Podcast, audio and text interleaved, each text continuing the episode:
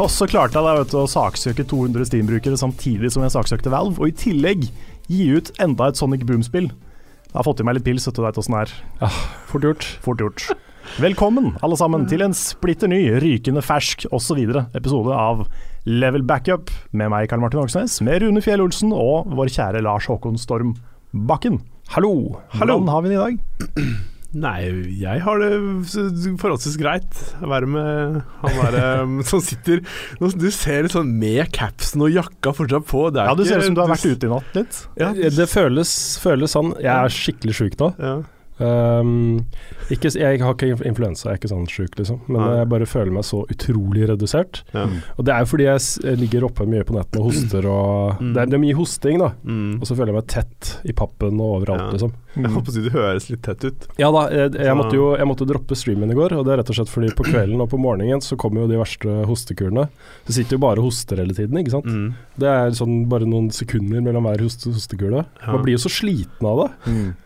Helt utmattende, altså. Ja, folk på streamen i går var helt opptatt av liksom bare Ja, ja Rune er ikke på Destiny, altså, så det Det var flere som gikk inn og sjekka opp PS4-en. Å ja, nei, hadde de sjekka litt senere, så hadde jeg nok vært på Destiny. Ja, ok. Ja. Ja, sånn halv ti-tiden eller noe sånt, så hmm. Ja, altså når man er sjuk, man kan fortsatt være på Destiny, men nå var det mer sånn Ja, det er det å sitte og snakke liksom- liksom, på en ja. stream mens man hoster Ja. hele tiden, og så har jeg ikke noe Den mikken jeg bruker, har ikke sånn mute-funksjon heller, ikke sant. Nei. Så hadde, og så er den en bøyle som er foran munnen min. så det hadde, hadde blitt ganske ille. Mange fine, deilige lyder å høre. Ja, ikke sant. Ja. Så det var egentlig av hensyn til alle. Ja. Så det Nei, er synd. men, eh, men god bedring. Jo, takk. Jeg orker ikke å være sjuk så lenge, så Nei. Og så er det jo Jeg sitter jo her, liksom, og går Mm. på møter og, Mm. Og fortsetter å jobbe. Egentlig så burde jeg bare tatt noen dager nå og ligge i senga og blitt frisk. Mm. That YouTube life. Det er ikke så lett når man skal ha liksom familie og barn og er CEO for et uh, nytt selskap i tillegg. vi, Liksom. har, ikke- vi har ikke noen sjef å ringe og spørre om fri, liksom. Ikke Det- sant? Det er vi som er sjefen. Ja, det er det. Mm. Er ikke, Kan ikke du ta opp en sånn samtale med deg selv hvor du liksom spør om å få fri? ja.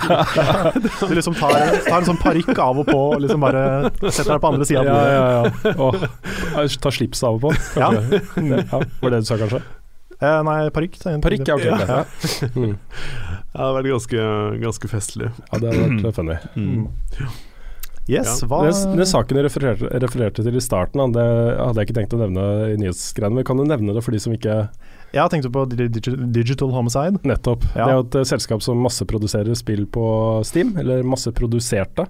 Mm. Um, det, hele den saken er litt sånn interessant, og den har to sider, føler jeg. Selv om de lager drittspill. De har fått masse pepper fordi de lager drittspill.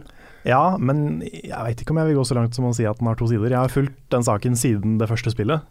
Eh, og måten de på en måte håndterte den første kritikken på, da mista de bare all min sympati. Ja da, jeg, jeg. har null sympati for dem. Det eneste det, ok, det som skjedde, var jo at de ga ut et spill i fjor som heter Slaughtering Grounds. Som eh, Fram til da så hadde de gått litt under radaren, tror jeg. De hadde bare Mm. gitt ut spill, folk brød seg ikke så mye om det, at de var dårlige. Nei, nei det, var, det var sånn typisk sånn shovelware. Altså, de, de hadde kjøpt noen ressurser på noe Unity Store Mm. og bare putta det sammen. Ikke lagd noe eget i det hele tatt. Og bare putta det på et map, gitt ut, tatt penger for det. Ja. Så det er jo dritt, liksom. ja. Og de har, det er det de har gjort. De har prøvd å på en måte basically skamme Mm. eh, spillere på Steam Ja. ved å gi ut masse drit og håpe at folk kjøper det. Mm. Det er det Digital Homicide er. Ja. ja, dette spillet kosta jo ti dollar i tillegg. Mm. Um, og så lagde jo Jim Sterling en uh, video av det. Uh, og han, bruk, han har brukt ganske mye tid på, på det, men han, han bruker jo tid på det. Han tar jo Ja. tak i dritt på Steam og lager uh, morsomme videoer av det. Mm. Og det er for å gjøre et poeng ut av kvalitetskontrollen de har på Steam. Nettopp. At den ikke fins. Uh, det som har skjedd etterpå, er jo at uh, det er vel- en del brukere som har på en måte slengt seg på. Uh, og det jeg mener med å si at den har to sider, er at vi vet jo alle hvordan The Internet Hive Mind fungerer. Ja da. Og den derre at folk ikke gir seg, liksom. Altså uh, hvor langt de drar kritikken. da. mm. Eh, hva de sier og hvordan de kommuniserer og sånne ting. Så, eh, så de har nok hatt liksom en eh, da 100 f.eks. Steam-brukere eh, som har ligget ganske tett på dem. Eh, og i de saksøkingspapirene så står det jo liksom at enkelte av dem har, har tatt kontakt liksom daglig i 18 måneder og sånt. Så Oi. Ja, det, det er ikke ålreit. Nei, det er jo ikke det, liksom. Men, men hele den saken er nå avvist av retten fordi Digital Homicide ikke klarte å betale saksomkostningene på 400 dollar. Riktig. 400? Ja, 400 dollar. Mm.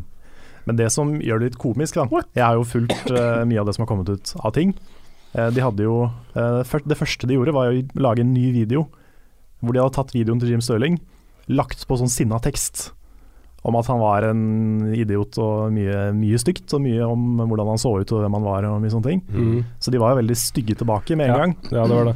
Eh, og i tillegg da, så har de stilt opp på, en, eh, på et intervju, et telefonintervju, med Jim Stirling. Ja, det hørte jeg. Ja, og det er altså Hvis du vil ha en, en time eller hva det er for noe med, med god underholdning, Mm. så hør på det. Ja, det er Fordi de eh, vet jo åpenbart ikke hva spillkritikk er, f.eks. Og eh, de ber jo han om å definere Altså definisjonen på en leech, og han liksom slår opp på Wikipedia hva en leech er, og det er jo et dyr. Mm. Så han leser, er, det er veldig mye morsomt. Og ja, verdt å, verdt å høre på, men det er jo en katastrofesak som bare er eh, Ja, det er, det er mange nivåer av idiot. Så får vi håpe da at, eh, at eh, ut av dette så kan det komme kanskje en bedre kvalitetskontroll på Steam. Er Fordi. Stam, sti, Stam? Stam fungerer, Steam fungerer jo nå på samme måte som IOS f.eks. Hvor det bare ligger en hel haug med spill. Og så er det jo eh, noen mekanikker, f.eks. kuratorlister og ting som blir featured og topplister og sånne ting. Men eh, ja, det er mye, mye ræl. Det er det. Og så er det særlig mye ræl i og med at de har åpna opp for eh, Steam Greenlight og Early Access og sånne ting. Så, så er det potensielt mulig å bli litt skamma Mm. av ting. Ja, for det, det de har gjort blant da, det er jo at de har Uh, De har vel tilbudt en del gratis koder ved å stemme på spillene deres, f.eks. Ja. De har gjort en del sånne shady ting for å nettopp komme inn på Steam, da, Mm. for å da kunne skamme flere folk.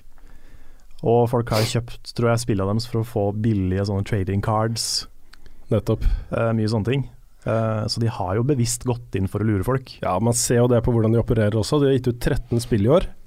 Og det er jo bare, bare sånn eh, shovelware. Altså, Ja. Det er jo ting de bare skyfler ut, på en måte. Mm. Hvordan klarer man å lage et, et bra spill på en måned? Nei, og så er det De har jo mer eller mindre bare ikke laga noen ting. De har jo kjøpt assets, altså 3D-modeller og maps og sånne ting. Mm. Putta det inn i en felles ting og gitt ut. Det er det de har gjort. Ja. Mm. Så det er jo så å si ikke spill engang. Det er bare en samling av ting andre har laga. Mm. Ja, det er, ikke, det er ikke greit, for å si det sånn. Nei, det er ikke det, altså. Det er, eh, det er jo, holdt på å si Vi skulle hatt bedre kvalitetskontroll på Steam for å fjerne sånne ting. Mm. For det, det ser jo ikke bra ut for noen. Nei. Nå var vi nesten over i nyhetene, følte jeg. Ja, vi var det, dette vi var her, det. Men skal, vi, skal, skal vi spole litt tilbake og Ja, snakke om hva vi har spilt? Har du lyst til å begynne, Lars? Det kan jeg gjøre. Um, jeg har spilt um, To spill har jeg spilt, og det ene er Ducktail, som jeg har brukt mye tid på, for det skulle jeg lage en anbefaling på. Det har jeg spilt en del før også. Uh, og For de som lurer på om det er bra eller verdt å spille, så kan de bare sjekke ut uh, Level App-anbefalingen min. Um, Jeg spilte det på Steam eh, for Ja. tror jeg, et år siden eller noe sånt. mm, Det er kult, det. altså. Ja, det er Det kom ut som remaster, jeg tror det var i 2013. Ja, ok, Det er såpass lenge siden, ja. Ja, Det Um, så det har vært ute en god stund, og det har vært på iOS en stund også. Jeg husker når jeg kjøpte det, så kosta det ni kroner. Ja. Nå koster det 55. så ja. Men um, Call of Duty Remastered Mm. har jo endelig kommet ut. Modern Warfare remastered. Modern Warfare Ja. Remastered, selvfølgelig. Uh, COD 4 for noen. Ja. Ja. og Cod 5 for noen, men de tar feil. ja, men det heter jo ikke Cod 4 lenger, gjør, gjør det? Nå heter Nei. det bare Modern Warfare Remastered. Altså Da det Ja. kom, så heter Call of Duty 4 Modern Warfare. Ja. Ja. Eh, ja, det var det det het, men det var ingen som Vi kalte det jo aldri Modern Warfare. Uh, Det var Cod 4. Ja. og- ja. Um, ja, nok om det. ja, Vi Eh, kan ta ti minutter på hva det egentlig heter. ja, ikke sant? um, hvis vi skal ta det positive først, da, så er det jo eh, utrolig deilig å se at de har oppgradert grafikken i det spillet uten å putte inn masse støy. Og med det så mener jeg å putte inn, um, putte inn mye ting som ikke var der i originalen. For det er veldig ofte når de pusser opp, så gjør de noe med hvordan det ser ut for å få det til å De leker litt George Lucas, på en måte. De putter inn ting som De bruker var der blomster istedenfor gevær og ja, Ja. for eksempel. Walkietalkier istedenfor Mm. Så det er litt deilig å se det, fordi det, det er veldig mm, Det føles litt mer eh, personlig og enkelt. Og det som er bra med Call of Duty singleplay-storyen, er jo nettopp det at du har en følelse av at det er veldig ekte. Og med ekte så mener jeg ikke bare at det er liksom en virkelig ting, men at det føles ekte. At du tror på personlighetene til folk og hva de slåss for og hele den pakka der. Og så er det veldig mye mer nært, um, så du får et forhold til det, kontra det å joine de nye Call of Duty-kampanjene hvor du havner inn i et sånn masseslagsmål som Det føles, foregår føles litt som du spiller en tech-demo noen ganger. Ja, hvor, det bare, hvor de bare putter inn masse ting for å Mm. gjøre det. Og det, det blir ikke Du får ingen tilknytning til det som skjer i det hele tatt. Interessant. Um, ja, og de prøver jo å gjøre det personlig med å legge inn gode historier, og de er liksom på vei til å få til noe bra. Men akkurat um, Cold 4, Modern Warfare 2 Definitivt de beste storyene i noe sånn type spill eh, hva skal jeg si, krigsspill, da, syns Mm. jeg. For det, blir, det føles veldig personlig nært, og det blir veldig knytta til de personene som er der. Um, ja. De er litt sånn ikoniske, de rollefigurene i de spillene. Mm. Um, man husker dem. De har en veldig tydelig personlighet. Mm. Ikke at uh, de nødvendigvis har sånn masse, masse dybde, men de er, de er noe. De er Mm. gjennomtenkte, de er, har en veldig sånn unik stil. Da. Ja. Så man husker dem. Mm. Man uh, Ja. mm. Ja, og så er det veldig kult fordi eh, du spiller jo Soap McTavish i stor grad. Eh, han andre personen du spiller i Code 4, eller i Modern Warfare, er eh, Jeg husker ikke Et eller annet Jackson. Han dør jo. Han blir jo utsatt for en eh, atombombe, og away they are. Um, men uh, Soap McTavish sier jo ingenting i Code 4. Og så plutselig så i uh, MV2 så blir han på en måte en av de store rollefigurene og har en viktig, uh, en viktig del av historien. Da. Og Mm. det um, Ja, personligheten og sånne ting der er helt fantastisk bra, altså. Ja. Så um, Mm. jeg må si at de har, eh, de har gjort en god jobb, og jeg har jeg har ikke sjekka dette her, men det virker som om de har spilt inn en god del dialog på nytt også, hvis ikke de har gjort det med alt. For det kan høres ut som det er en del nye nye folk som snakker, og en del av historien, særlig når han sier det er 50 000 people used to live og sånn, og han um, hovedskurken, på en måte, som sier uh, hvordan uh, Ja, hvordan um, de har uh, prostituert landet deres til, til Vesten og hele den pakka der. Det, det er litt annen klang på det, så det, jeg tror de har gjort det også.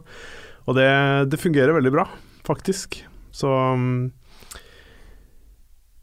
Og de har ikke gjort noe med essensen av COD, og det Da kan de på en måte ikke bomme, Mm. eh, føler jeg her. Um, det jeg savner kanskje litt, er at de kunne oppgradert AI-en. Mm. Ja, der har det skjedd ganske mye Ja. siden den gang. Ja, vi streama jo det i går, Mm. og du sleit jo med at han eh, Hva het han? General Ja, Captain Price. Captain Price, ja. At han sto mellom to bokser, og så fikk du ikke lov å Måten de blokkerer meg fra å komme inn videre inn i brettet, er liksom at han står imellom der jeg skal gå, står imellom to bokser og tvinger meg til å på en måte liksom bli her fortsatt, til vi har kasta nades og gjort de tingene vi skal. Mm. Det er litt sånn ja, litt artig. Og så er det sånn hvis du prøver å komme deg forbi, så kommer computer-AI-en og bare presser seg forbi deg og dytter deg vekk, liksom. Du, du klarer ikke å gå forbi den. Mm. Så det er litt sånn Du merker at det kanskje kunne vært gjort noe med. Men det er jo et ganske regissert spill, så det føles litt greit allikevel. Ja, et ganske regissert spill Ja. er en ganske god beskrivelse av uh, Modern Warfare. Ja, det er det. Ja da, absolutt. Det er ikke, det er ikke mye frihet, men um, jeg syns det fungerer allikevel. Mm. Nettopp fordi at det er liksom veldig nedskalert og enkelt, og veldig personlig, som sagt. Så du, um, du føler at du er en del av en liten, en liten gruppe, og at når de går ut og gjør ting, og når helikopteret deres krasjlander i um, Er det i Russland, eller et eller annet sånt noe? Og de skal komme seg, komme seg vekk derfra, så er det sånn Ok, gutta, nå er vi, vi er aleine på fremmed jord, liksom. Vi prøver å gjøre minst mulig ut av oss. Når vi skal gå gjennom ting, så blir det skutt kun det som er nødvendig for Mm. at de skal komme seg videre. Og det, jeg liker den greia der. At det ikke bare er sånn her Hei, bare kill them all. Altså, for det er så litt Mm. flåsete, da. Ja, altså Mange er jo ganske kritiske til uh, måten COD-spillene lager uh, historie på, eh, og er, liker ikke at det er så skripta. Nei. Jeg er litt fan av skripta opplevelser, fordi eh, så lenge man er med på leken, og man gjør de tingene som utviklerne vil du skal gjøre for å trigge forskjellige events f.eks., for Ja. så er det ganske sånn tilfredsstillende. sånn ganske pleasing, Mm. underholdende å være Mm. med på. Og Det er jo sånn eh, mange eksempler fra COD-spillene hvor du f.eks. ikke har gått da, til det ene punktet som trigger neste sekvens i alt det skripta som skal skje. ja, ikke sant. Hvor du står der og fiendene bare spåner og spåner og spåner og spåner og spåner Mm. og spåner og spåner hele Ja, tiden. ikke sant? uh, det er et par av de tilfellene der. Mm. Um, og det er uh, uh, Ja, det er ganske kult. Men de har i hvert fall bare rett og slett tatt det gamle spillet og gjort det bra Mm. um, til den nye konsollen. Det er litt sånn rart dette, fordi det lanseres jo egentlig ikke før 4. november. Stemmer. Eh, men hvis man har forhåndskjøpt, så får man jo tilgang til historien nå på Mm. PlayStation 4. Mm. Uh, betaen som kommer, er jo også egentlig det ferdige spillet. Eh, man kan gjøre anmeldelse av det. Mm. Du, setter deg en kode til den også. Jeg vet ikke, Er den åpna, eller åpna Nei, det er den 15. eller 14., tror jeg. Ja, oktober. så det er en stund til. Uh, så når du legger inn den koden, så får du liksom bare beskjed om at ja, takk, du har liksom meldt deg opp, vi sender deg kode rett før det kommer, liksom. Ja. så Um, Nei, Så er det i hvert fall mulig å lage anmeldelse på det før, eh, før det faktisk lanseres. Så denne det- gangen er vi tidlig ute. ja, Det er noe. ja. Men det er ehm, Det er jo dette her med hvordan man skal skaffe dette spillet her. Ja, kan vi ta det i nyhetsspalten? Ja, det kan vi godt gjøre. Vi kan ja, vente med hele biten til da. Ja. All right. Men det er det jeg har spilt, Mm. og, og det er eh, fortsatt like fantastisk. Og jeg må si en ting til. De klarer jo å legge i såpass mye følelser at uh, når den atombomba går av og sånn, så føles det Det føles veldig dramatisk. Mm. Det blir um, Det er ikke I andre krigsspill så er det sånn at, Å ja, enda en bombe gikk av. Liksom sånn, ja, ok, hva skjer, hva er utfallet? Du blir Du er ikke engasjert, men her blir jeg det. De Ja, men- forteller det veldig bra, altså. Se for deg hvordan det har vært, fordi det som skjer i den sekvensen ja, Og den husker jeg veldig godt. Ja. Jeg har ikke spilt det siden den gang, liksom. Nei. Uh, men da, du har fortsatt kontroll over uh, figuren du styrer, men du har veldig veldig begrensa kontroll. Det er Ja, ikke så du mye du kan gjøre. sleper deg jo bortover på bakken, og du ser jo personen ligger der og virkelig bare er drar sine siste krampedrag uh, før de dør, liksom. Så, Bare se for deg hvordan det hadde vært hvis du ikke hadde fått den eh, veldig skripta måten å oppleve den Ja. sekvensen på. ja. Hvor du bare flyr rundt og teabagger i MPC-er og, og sånne ting, liksom. ja, det hadde jo ikke fungert. Det hadde jo ikke fungert. Nei, det hadde det ikke blitt like, like Nei. treffende. Nei. Apropos, har dere spilt uh, Spec Ops The Line? Jeg har spilt halve, jeg har ikke kommet det. Nei, Ja, okay. fordi det begynte jo jeg på en gang i tida, men det, det ble ikke helt sånn som jeg forventa, så jeg ga det jo opp. Men jeg har hørt Ja. at det er jo virkelig verdt å spille. Det er, eh, for det er ikke nødvendigvis et veldig bra skytespill, Nei. sånn mekanisk. Nei, for det var det som liksom stoppa meg fra å spille det. Mm. Ja, Men, den, men Mm. det den gjør, altså det det spillet gjør, den historien, eh, med liksom hele skytespillsjangeren og budskap og sånne ting, Ja. det er kult, altså. Så det er faktisk, eh, til tross for litt sånn middels gameplay, så er det veldig verdt å spille gjennom. Jeg har lest, lest mye om det spillet Mm. etterpå, og det det gjør er jo Jeg har så respekt for det, jeg har så sansen for det. Jeg digger det. Jeg syns det er kjempekult. Mm. Det snur liksom hele den oppfattelsen av hva, øh, hvem, hvilken side man kjemper for på hodet. Ja, ja.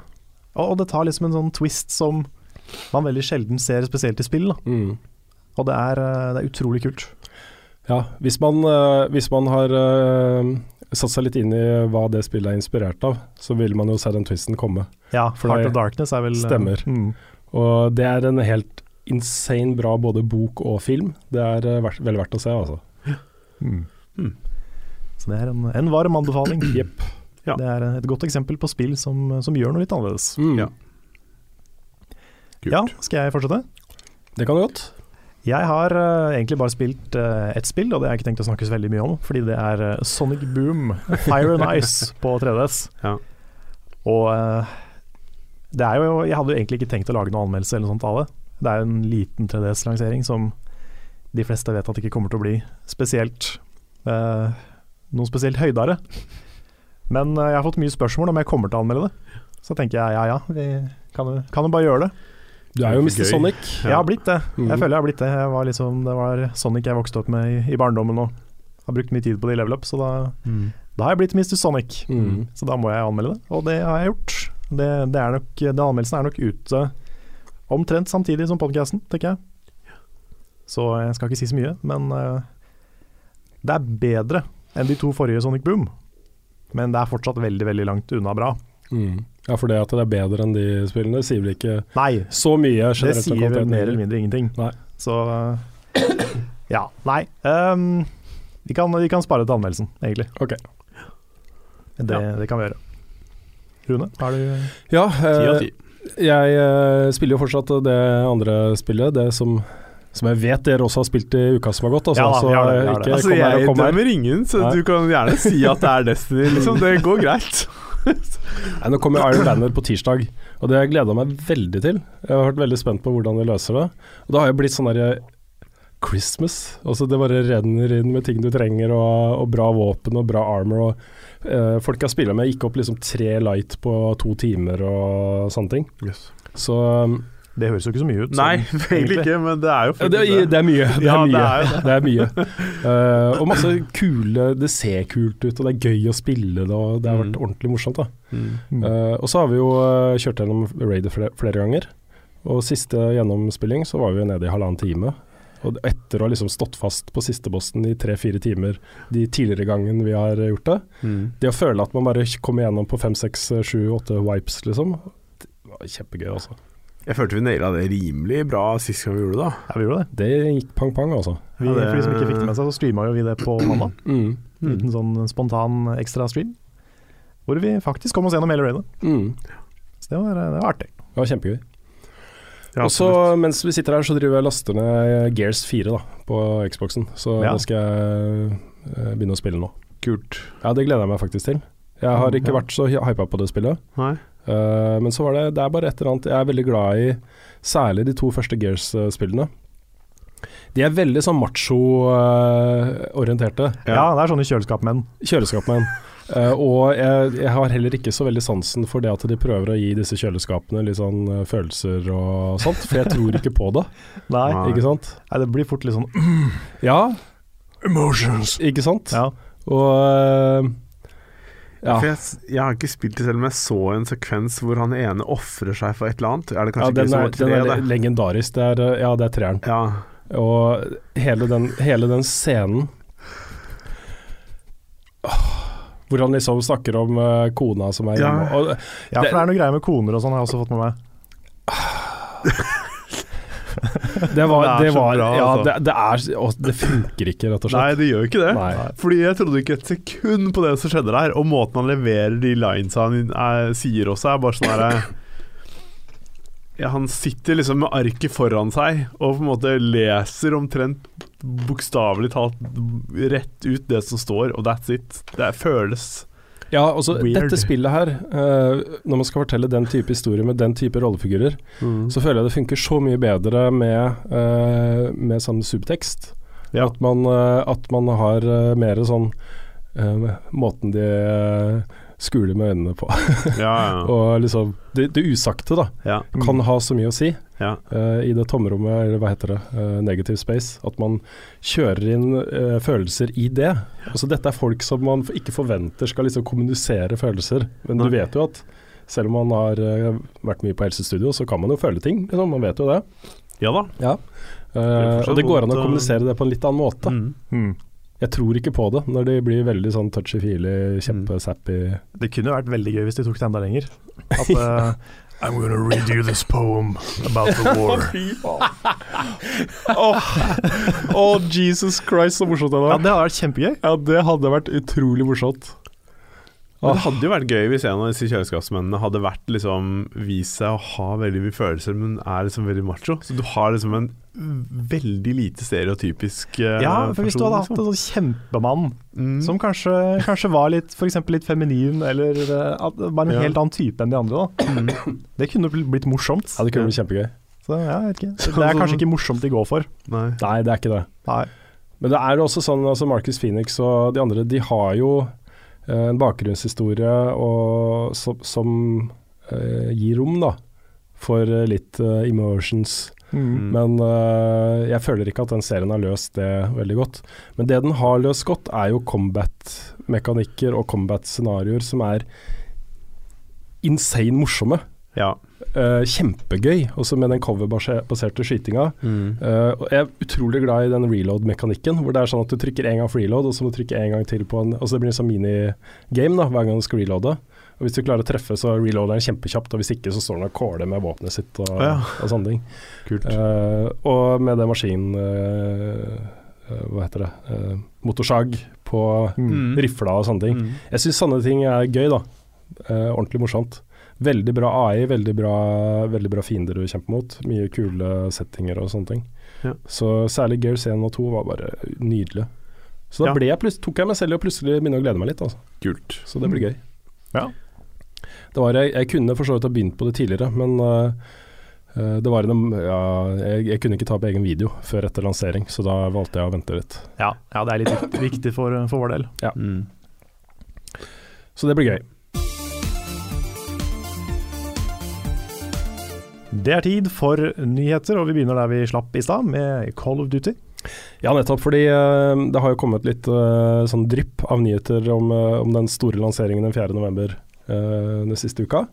Eh, det ene er at det har blitt klart at man, hvis man kjøper den fysiske Legacy Edition av Call of Duty Infinite Warfare, som man må gjøre for å kunne spille Modern Warfare, Mm. Mm. eh, så må man ha disken.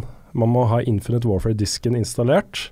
Uh, eller i konsollen, for å kunne ja. spille. Mm. Og, og på Steam så fungerer det sånn at du får en spesiell kode som et eller annet Jeg husker ikke helt hvor den er. Jeg tror ikke du trenger å ha Infinite Warfare installert, men du må eie det. Du må ha det i biblioteket ditt. Ja.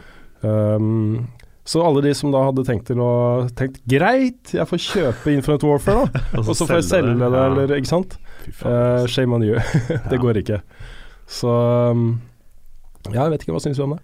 Det er jo sleipt. Jeg syns det. Altså, det det er jo en kjip. DRM.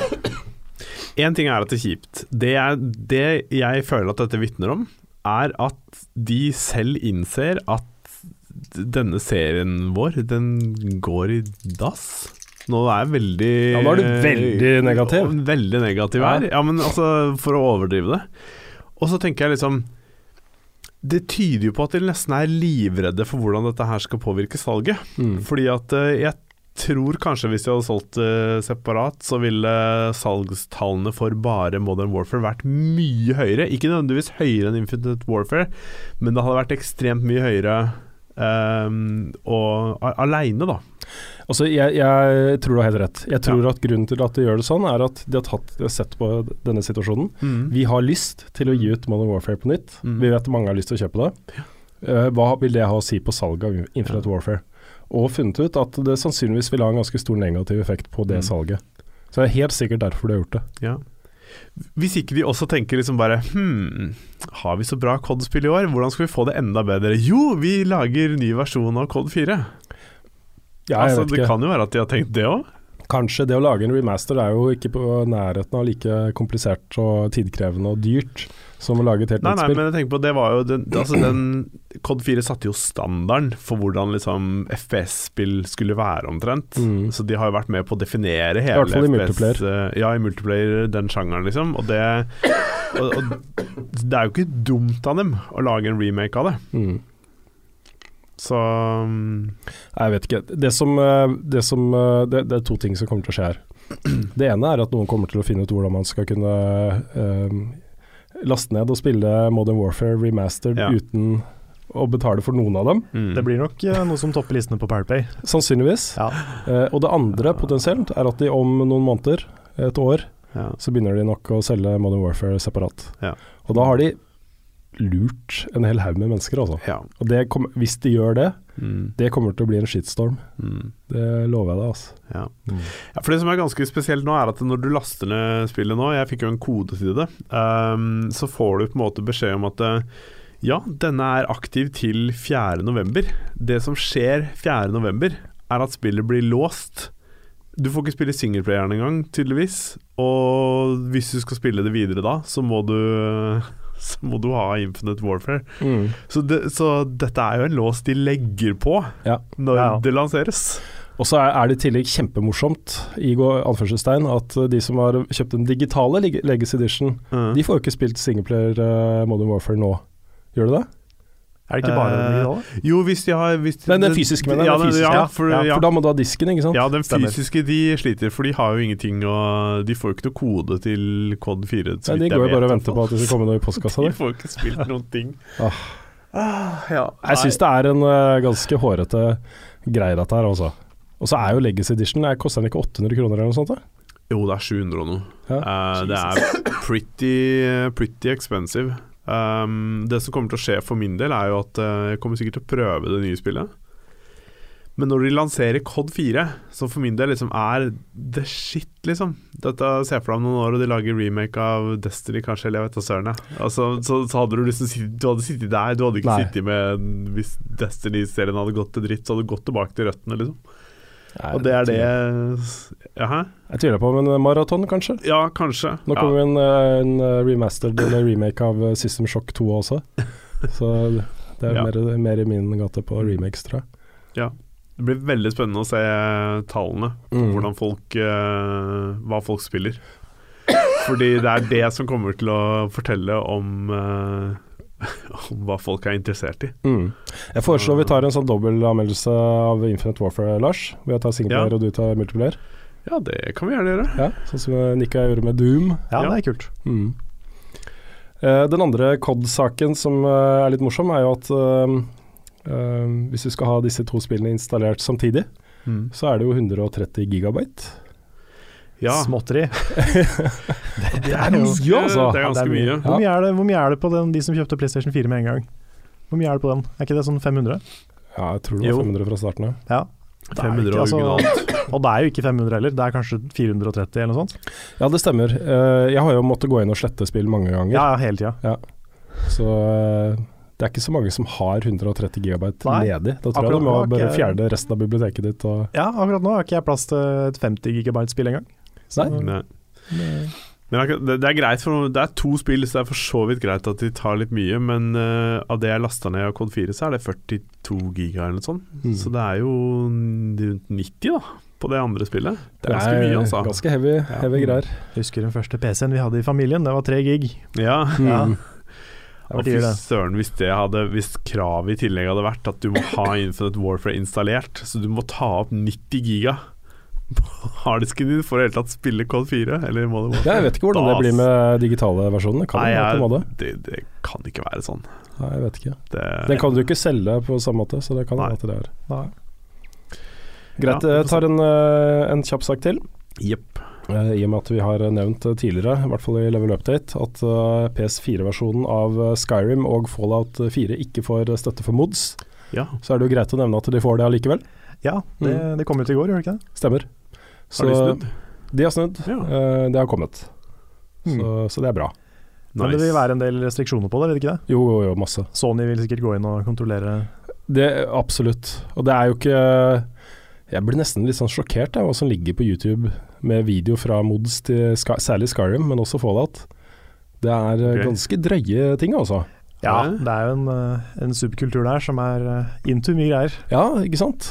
For jeg skulle da sjekke da hva som er tilgjengelig for Jeg lagde en sak på det for en stund siden også. Ja, vi, vi hadde et level up-innslag, Ja, det stemmer. Ja, Om, eh, stemmer det. Var ikke det hvor det var litt vel pornografisk eh, Ja, Ja, ikke bare pornografisk, men ganske sånn drøyt pornografisk. Ja, I noen tilfeller uh, muligens ulovlig pornografisk. ok. Mm. Så um, ja. Og det ligger på YouTube. Videoer. Mm. Ja. Da blir det stille her. Ja, altså det er sånn Ja, der, hvis hva vi skal man si, liksom? Mm.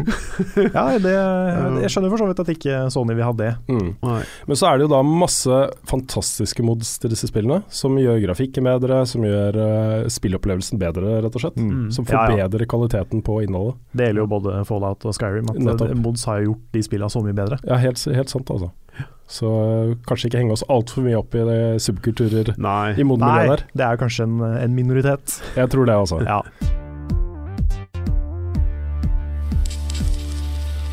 Det er tid for spørsmål og svar, og vi begynner med et spørsmål fra Josef Daimin. Han sier Spiller The Last of Us remastered nå, hva syns dere gjør dette spillet til et av tidenes beste? Og syns dere gameplay i spillet minner litt om Uncharted? Uh, ja, det minner jo litt om Uncharted. Ja. Altså, dette er jo teknologi utvikla av samme selskap. Er det ikke samme engine? da? Jo, i hvert Ja, det fall. tror jeg. Jeg tror, Ja. det, jeg tror det er samme engine, men at de bare har oppdatert. Uh, Ja, det kan tenkes. Selvfølgelig. Ja, Forskjellen er at det er litt mer sånn uh, uh, scavenging, hva heter det? At du samler inn uh, Mm. Balanserer ressurser og sånne ting Ja. i Ja, Og Og ikke fullt så avansert kampsystem heller. nei, nei, det er sant. Mer up close and personal. Mm. Det er også det som gjør uh, The Last of Us til et av tidenes beste spill, er jo rett og slett kombinasjonen av en utrolig fengende historie, mm. veldig gode rollefigurer, uh, veldig spennende gameplay, uh, masse kule scenarioer. Altså Det er rett og slett et spill som henger så sinnssykt på greip Mm. hele veien. Ja. Og det, det jeg føler er den største forskjellen fra Uncharted, det er at gameplay og historien komplementerer hverandre helt perfekt. Helt enig. Og det gjør det ikke nødvendigvis i Uncharted. Nei, Uncharted er mer sånn entertainment, uh, her skal vi ha det gøy, folkens, uh, Ja. type spill. For det gir ikke noe mening i historien at Nathan Drake har drept 1000 mennesker. Nei, det gjør ikke det i det hele tatt. Men uh, mens i The Last of Us så gjør det det. da. Mm. Alt Mm. henger liksom på greip, Ja. og alt er en del av en stor greie. Og så er jeg veldig glad i, i særlig nærkampsystemet i, i The Last of Us, for det føles veldig sånn tungt og Mm. farlig, og Mm. det, det er veldig intenst, da. Mm. Eh, Folk beveger seg sakte når de skal slå ting. Altså det, det tar Mm. litt tid. Du treffer skikkelig hardt. Ja. Mm. Ja, eh, det, jeg likte det veldig godt. Ja. ja, så er det en veldig sånn persondrevet historie. Mm. Det er liksom det er Joel og Ellie. Det Ja. er de som er viktige i The Last of Us. Det er ikke nødvendigvis universet og liksom den der soppezombie-apokalypsen. Mm. Det, det er dem, da. Ja, så har du den derre eh, I kontekst av det som skjer i starten, jeg vet ikke om jeg skal spoile det, for det er Ja, nei, altså det er jo viktig for resten av historien. Ja, ikke sant. Åpningssekvensen i det spillet er jo en av de beste åpningssekvensene i Ja. spill noen gang, og det setter så tonen for eh, resten av opplevelsen. Uh, det forteller deg hvem Joel, Joel er når vi Mm. møter han noen år Mm. seinere. det, det forklarer uh, Eller lager et bakteppe til forholdet mellom han og Ellie, ikke sant. Og Mm. det, det er så sterkt, da. Ja. Det, det berører deg så, så innmari. Mm. Ja, og for folk som sliter med å se karakterutvikling, eh, f.eks. meg selv Jeg sliter litt med å forstå og skjønne alltid karakterutvikling til, eh, til personer i både spill og film. Men her er det veldig tydelig Mm. hvordan, eh, sånn som det du sa der nå, hvordan det starter, hvordan ting bare overhodet ikke er greit i starten. Og så utvikler det seg til noe veldig sterkt og personlig Mm. og nært, da. Og Vi snakka om det tidligere også med Gears. Eh, de er utrolig flinke til å bruke subtekst eh, i The Last of Us. Ja. Ikke til å bare forklare ut eh, også at de sier sånne ting som å, jeg, Mm. jeg reagerer sånn og sånn fordi sånn og sånn, men Mm. du skjønner det. Du skjønner det i måten ordvalgene deres og sånne ting. Men så er det lagt opp helt annerledes på actionsiden òg. Jeg vet ikke om Gears hadde klart det på samme måte, fordi her er det veldig mye tid for stillhet og småpraten og ettertanke. Du, de, de har veldig mye mulighet til å legge subtekst i ting også, Mm. måten de gjør det på. Ja, og det er også musikken der. Det er bare sånn enkel uh, gitar uh, Mm. altså, Det er så bra, det er så stemningsskapende. Ja, men det er ikke mange spill som gjør karakterutvikling skikkelig bra. Nei. Det er, eh, det er veldig få av dem, men The Last of Us er definitivt et av dem. Mm.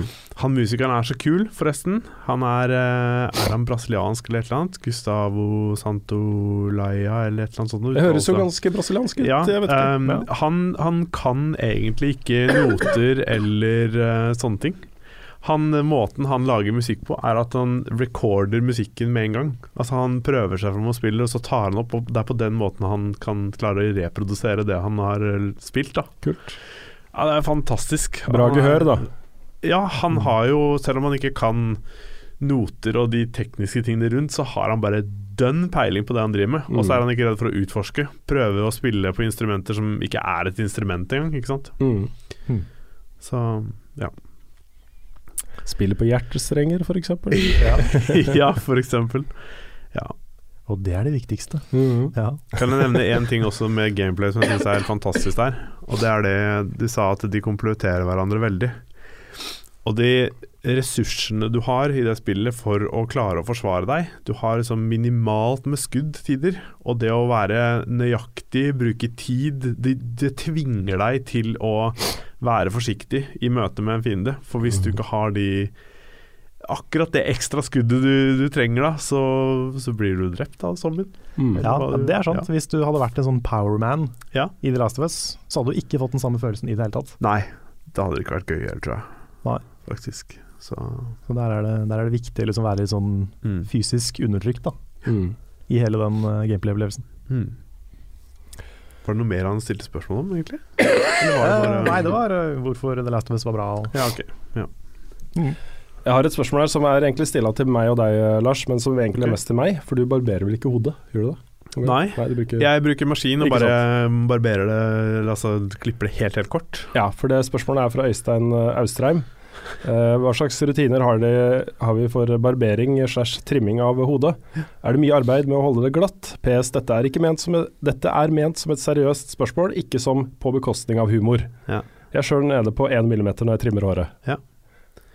Jeg vurderer veldig å gå over til å barbere det, men jeg vet liksom ikke helt om jeg er der ennå. Nei. Eh, hva bruker du for å gjøre det? Høvel. Du bruker høv vanlig høvel? Vanlig høvel. ja. Fordi at jeg fant noe Gillette. helt uh, Ja, riktig. Jeg fant noe helt genialt på nettet. Og mm. det er en sånn, det er en sånn liten bilaktig greie som du holder Som du putter fingeren inn i. Ja, det er Og den kan du bare liksom kjøre over hodet sånn frem og tilbake. Og den shaver da liksom helt glatt uten at du liksom må være nøye Skjønner du hva jeg mener? Mm. At det, det, er mye mer um, Du trenger ikke den graden av nøyaktighet da for å Mm. bruke Og det er bare å kjøre frem og tilbake, og så Jeg har lyst til å teste den, altså. ja. Nå den, er uh, barbering gøy. Ja, og masse forskjellige sånne kremer og ting og tang du kan Ja. kjøpe der. Ikke sant? Og så har de sånn, Det er så bra, for de har sånn shine som du kan ha på etterpå, som får du får sånn der blanke Noe å huske på når jeg skal i studio med lys og sånt i Ja. framtiden. Ja, du får sånn lys, noe sånn silkeball. Ja, ja, ja. Ja. Mm. mm. Nei, jeg vet ikke, jeg begynte jo å barbere hodet ganske tidlig. Jeg var tidlig i starten av 20-årene for, Mm. fordi jeg hadde lyst, fordi det, jeg syntes det var kult. Mm. Um, jeg gjør det ikke så ofte, et par ganger i uka kanskje. Uh, det tar ikke så lang tid, men det er et tiltak. Ja, for Bare- da trenger du den bilen, for den sier de liksom bare sånn Nå skulle tro jeg jobba for de da, jeg gjør ikke det. Men altså, det, er, for det, det er derfor jeg har lyst til å prøve den. For den sier at det er så lett. Du kan liksom bare Hver morgen så er det bare Så det er gjort på sekunder, liksom. Mm. Det hadde vært gøy hvis du under Movember bare grodde ut håret. ja. Det er kult. ja. Jeg har blitt ganske tynt oppå der, da, så det hadde blitt litt rart. Mm. Men um, jeg vet ikke. Mm. Jeg, hver gang jeg barberer meg, tenker åh, må jeg barbere meg igjen, liksom. Så, så tenker jeg også ah, men det er mye bedre enn å gå til frisøren. Så jeg, Ja, det er dyrt. Jeg, det er dyrt og tar tid og tiltak og Ja, Så må du prate om hver en halvtime. Ja, helst ikke det, altså. Du må ikke ha, må du det?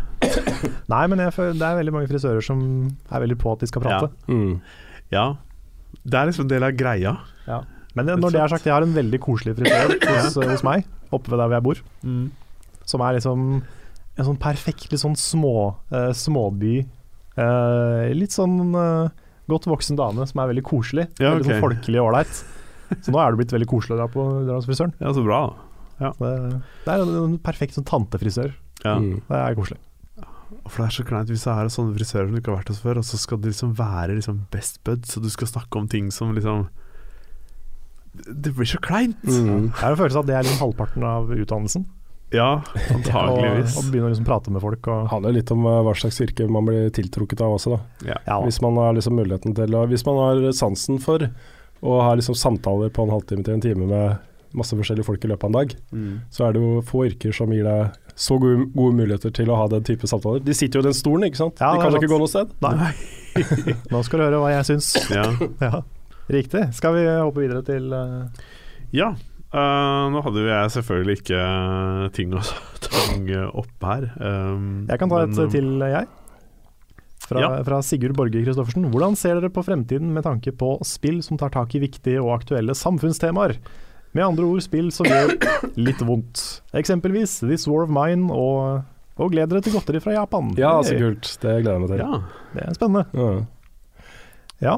Nei, altså, det, er jo, øh, det er jo et av de største vekst, vekstområdene for spillmedia. Et Det er de, der hvor det er mest å hente, egentlig. Det uh, fins jo massevis av spill som, som gjør det allerede. Men uh, uh, det kommer til å komme mye mer av det. Mm. Jeg tror du kommer til å se det mer og mer i litt større produksjoner. Ja, for det har vært mest indiespill, egentlig, Ja, som har gjort det i det siste. ja Mens eh, trippel A-folk har liksom fokusert veldig på den underholdningsbiten. nettopp.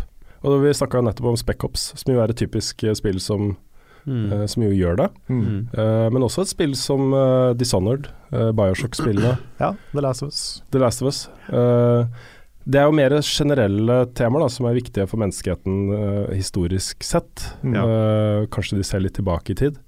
Det han spør om er vel kanskje mer sånn samfunns... Altså dagsaktuelle Ja. temaer.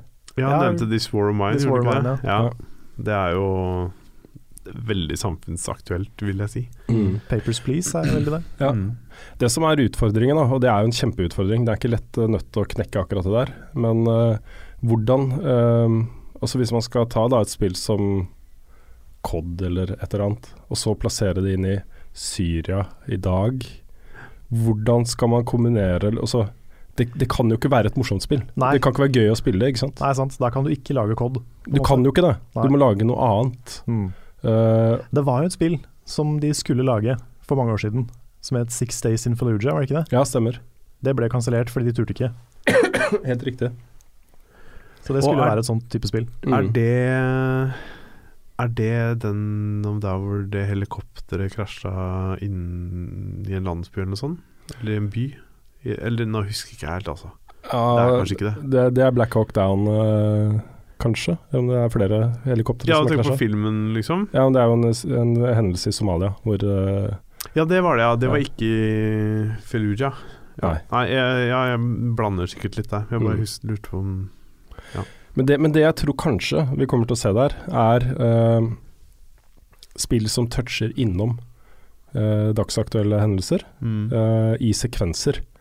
Hvor du, hvor du tas ut av liksom kanskje en litt mer underholdende ting og plasseres inn i noe som føles veldig jævlig. Mm. Uh, eller, eh, eller treffer deg på andre måter, da. Uh, er interessante på andre måter enn ren gameplay og underholdning. Det tror jeg nok vi kommer til å se ganske mye av. Mm. For eksempel eh, eh, i Bioshock-spillene så har de jo på en måte factions eller områder som tar for seg spesielle temaer. F.eks. indianerutrydningen i Bioshock Infinite, for eksempel. Ja. Nå sa jeg f.eks. to ganger. Mm. Um, og det er en sekvens ikke sant, inni et, en større sammenheng som er interessant uh, for seg selv. Mm. Mm. Det tror jeg nok vi kommer til å se mer av i de store spillene. Ja. Jeg, jeg føler at veldig mange, kanskje spesielt store spill, veldig gjerne vil si noe. Men det er ikke sånn at de helt tør. Sånn som du har veldig mange spill f.eks. som tar opp rasisme, men det er ikke rasisme mot eh, det som finnes i virkeligheten, men det er Mm, rasisme nei. mot alver, ikke sant? Ja, ja. Eller rasisme mot uh, the darksons. Men sånn er jo, sånn er jo eh, fiksjonen i alle medier. Ja da. At Ja. de ofte bruker eh, ting som er relevante for oss, men Mm. i mer fantastiske settinger. Da. Mm. Det er sant. Ja. Det er kanskje vanskelig å lage noe som er veldig uh, retta mot noe som faktisk skjer. For det kan jo Det, det vil jo føre til eh, både diskusjoner og Mm. ting og tang. Så Ja. Ja. Samtidig så er det litt viktig da, at kultur tør å gjøre det, tenker jeg. Helt enig. At Ja. uh, hvis et, eh, et medium som skal være liksom både kulturnyttig og kunstnerisk og sånn, hvis du mm. på en måte fjerner all uh, Fjerner alle budskap eh, og politikk og liksom kjærlighet og sex og sånne ting, så er det ikke så mye igjen av kunsten. Da. Nei. Så det er, litt, det er litt viktig å tørre også, tenker jeg. Mm. Jeg tror et bra sted å starte er, eh, er rett og slett å lage, lage rollefigurer og historier som er mer rele relevante for folk, som kanskje eh, toucher innom eh, eh, følelser vi har, måten vi tenker på, eh, hvem vi er som mennesker, hvordan Mm. vi, eh, hvordan vi interage eh, interagerer med andre Mm. osv. Eh, at det kan være et ok sted å starte. da. Fordi det, det finnes veldig mye kunst i andre medier, går jo på det. Altså det går inn i mennesker, ikke inn i konflikter eller, eller eh, samfunnsting. men mer sånn inn i personene. Mm. Det, det er kanskje et bra sted å starte, for det kan gjerne kombineres med at man uh, kaster seg fra høye fjell uh, ned i lianer og et eller annet, jeg vet ikke. Ja. Og du, du har jo spill litt sånn på barnestadiet, kanskje, på det med moralske valg og sånn. Mm. For du har hatt det der Paragon Renegade-systemet og sånne ting. Og så har du spill som f.eks. Undertale, da, som tar det der med moralske valg og empati og sånne ting enda litt videre. Mm. Og det er så kult Ja. når de gjør det. Det uh. Eh, så det er en sånn utvikling der som er veldig spennende. Så jeg føler liksom de der de der barene med god og ond som fyller seg opp, Mm. de er på en måte starten på noe. Ja, det er helt enig Men de er, de er ikke nødvendigvis så bra ennå. Nei. Men det, liksom, det, det kommer seg, da. Det begynner å bevege seg mot noe litt spennende. Mm. Mange strategi strategispill har jo eh, gjort mye kult der, hvor du gjør, du gjør et valg eh, med å bygge opp et eller annet. Eh, så får du beskjed om at men det går på bekostning av sånn og sånn. Tropico-spillene f.eks. er veldig gode på det. Hvor du eh, skal styre dette øysamfunnet. eh, og så skal du liksom investere pengene i skole eller bla, bla, bla, bla og, håndtere budsjetter og sånne ting. Så får du hele tiden tilbakemeldinger om at ja, nå er de sultne fordi du valgte å bruke penger. Altså, det, er, det er ganske interessant, da. Mm. Mm. Og så må jeg nevne da Detroit, som er en litt sånn her eksempel på et eh, veldig veldig stort spill som kommer, som tar for seg veldig veldig aktuelle temaer. Og for så vidt også Watchdogs med overvåking. Ja. Ja. Apropos Detroit, kan jeg ta en liten digresjon? Gjerne, det er jo det vi lever for. Det er jo det. Ja. Dere har ikke sett Westworld ennå? Nei. Holy shit. Det er kanskje den mest sånn intenst spennende første episoden jeg har sett av noen ting. noen Altså kult. Det er så bra, og jeg veit at du kommer til å digge det. Rune. Ja, jeg vet det. Jeg må Det bare bli ferdig liksom- med Game of Thrones uh, sammen med kona først. Ja, for det er, så, det er kanskje den serien jeg har sett som er mest deg, tror Ja. jeg. Kult. Og uh, i tillegg så er det bare så Det er så bra, og det er spesielt hvis du er litt gamer. Hvis du har spilt en del spill som spesielt sånn som Skyrim, uh, Red Dead Redemption, MMO-er og sånne ting, så merker du at Westworld er et MMO. Mm. Og det er, det er ikke sikkert du ser hvis du ikke er noe, noe inne i spill. Men hvis du ser på liksom hele den, den settingen og det konseptet fra et litt sånn gamerperspektiv, så blir det enda litt kulere. Det, er liksom, det har en sånn ekstra, et sånn ekstra lag med dybde. da. Tøft. Ja. Så uh, sjekk ut Westworld, altså. Spesielt Fordi- hvis du er litt, uh, litt gamer, og det er jo de fleste som hører på. Det, det vil jeg tro. Vi tror ja. det. Ja, fordi jeg har ikke sett det, men det er, eh, dette her er eh, et um, Altså Westworld handler om en, en slags um, fornøyelsespark for rike, ikke sant? Hvor de Ja. får muligheten til å gå inn i en verden som ikke, ikke har noen konsekvenser. Du kan få gjøre hva du vil og ikke har noen konsekvenser for det du gjør. Ja, jeg kan ta det litt sånn kjapt uten å, uten å spoile noe. Ja. I hvert fall spoile minst mulig. Uh, Westworld er jo, eh, som du sier, en fornøyelsespark. Mm. Kan sammenlignes litt med Jurassic Park, ja. men alle menneskene som bor der, da, som er i Ville Vesten, de er eh, androids, eller animatronics, eller hva de vil kalle de. Og de er veldig, veldig levende. Um, og eh, de blir resatt for hver dag, så de husker ikke noe av det som skjedde dagen før. Okay. ok. Eh, og de som kommer dit da, på besøk, de har da muligheten til å gjøre quester med de, ikke sant? Ja. Uh, gjøre hva de vil. De har sine hverdagslige ting som de gjør. Ja. Og uh, da kan de rike folka som kommer på besøk, de kan bare gjøre hva de vil. Og det kan, det kan være ganske mye ille også, liksom. Uh, og de husker jo ikke noe etterpå. Så folk kommer dit for å boltre seg og gjøre mye, ja. mye drit. Og noen er snille, og noen er fæle, og, og sånn. da. Det er på en måte setupet. ja. Og så er det hva de gjør med det, da. Og hvor, hvor ekte disse menneskene er, og hvor ikke ekte de er, eventuelt. Ja, for handler det ikke litt om oss etter hvert om at dette her kanskje snur? Ikke snur, men at det er Ja, men sånn det- hva har, Hvilken betydning får det hvis de androidene Forsiktig liksom- da, folkens. Ja, jeg har ikke det- sett det, ja, så jeg men veit ikke, men det er jeg ikke- bare Det er ikke en spoiler, det er ingen som vet det ennå. Men det er jo det er Ja, for av kom bare én episode, ikke sant? Ja, en Ja. episode. Mm. Men det handler jo om det. Liksom hvor, eh, hvor mye er disse digitale livene verdt, på en måte. Mm. Ja, det virker utrolig spennende, ass. Jeg må få sett det. Jeg må Mm. skaffe meg HBO igjen. Jeg har vært eh, uten HBO en stund. Så Men for, for en gamer da, så er jo dette et MMO ikke sant? med Ja. PC-er. Ja. Det er det det handler om. det så er det er, kult. det er kult. Det er veldig kult. Jeg har et eh, spørsmål her eh, som jeg eh, håper det er greit jeg svarer på. Ja. Det er fra Vegard Kolsvik Kvaran. Han spør håper dere tåler et musikkspørsmål. Eh, Rune, jeg har fått meg at du liker Pink Floyd. Siden det er mitt favorittband, har jeg noen spørsmål. Har du et favorittalbum og en favorittsang? Og hvis du måtte velge, hva syns du er viktigst av Waters tekster eller Gilmores gitar? Um, dette kunne jeg snakket om i en halvtime, så jeg skal prøve å ta det litt kjapt. Mm. Har dere noe forhold til Pink Floyd? Jeg hørte veldig mye på Pink Floyd, men jeg har eh, i grunnen fått med meg bare to album. Ok. Og det ene er uh, The Wall? Da, uh, ja, The Wall og The Dark Side of the Moon, holdt jeg på å si. Mm. Uh, ja. Ja. Så det mm, Men jeg har hørt mye på det. Jeg har Mm. kanskje ikke sånn lidenskapelig forhold til det, men det er jo knallbra. Ja, jeg er jo eh, for ung til å ha fått med meg liksom storhetstiden uh, der. Ja. Men jeg var jo på ungdomsskolen da The Wall kom. Uh, tror jeg. Nei, det var jeg ikke. Jeg var på barneskolen.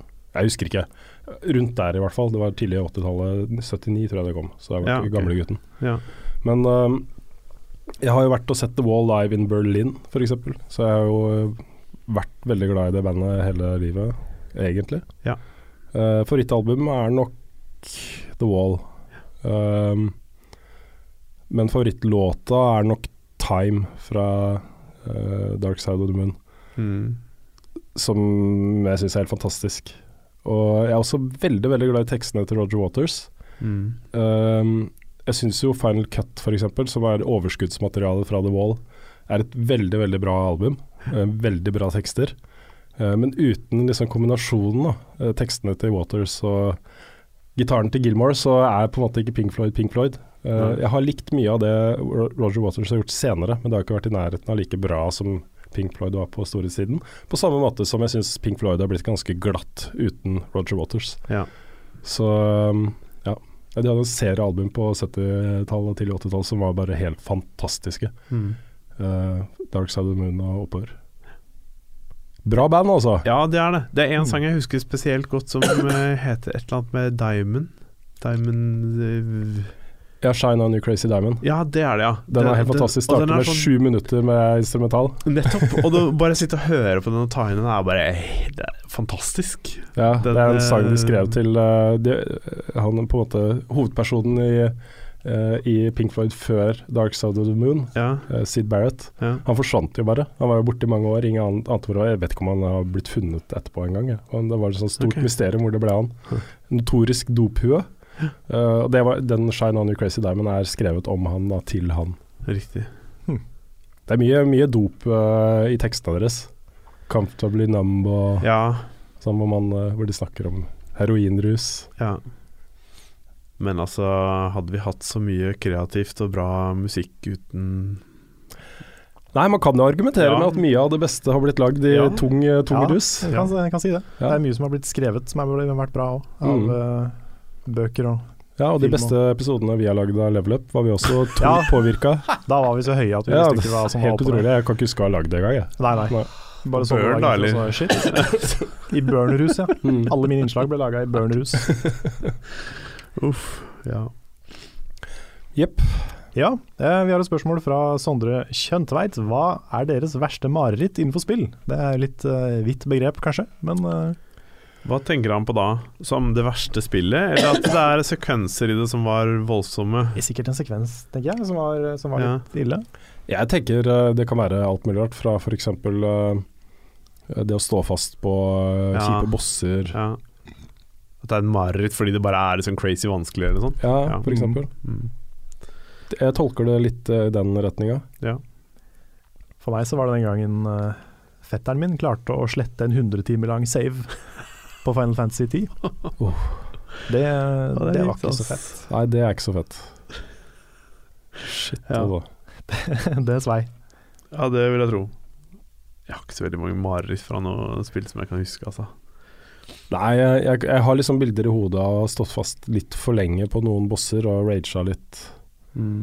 Uh, jeg husker særlig eh, Prince of Persia, uh, Warrior Within, var det en boss der som hadde en teknikk da som jeg ikke fikk med meg, for det gikk for fort der etter eller så jeg sto jo fast der sinnssykt lenge. Det var helt umulig å ta den eh, bossen. Mm. Sånne ting blir, jeg, blir så, jeg blir så oppgitt av det. Ja. Ja, det er ikke, når det står fast så lenge, så er det ikke engang tilfredsstillende å klare den bossen. Nei. Da er det bare sånn fuck you, boss, nå går jeg videre. ja, ikke sant. Det var også for så vidt den siste bossen i Earthlock Festival of Magic. Den var så vanskelig. Og det var, det var så langt tilbake til den hver gang du Mm. måtte prøve på nytt. Mm. At det også slutta veldig fort å være gøy, altså. Ja. Det var liksom etter første gangen, så var jeg allerede lei. Mm.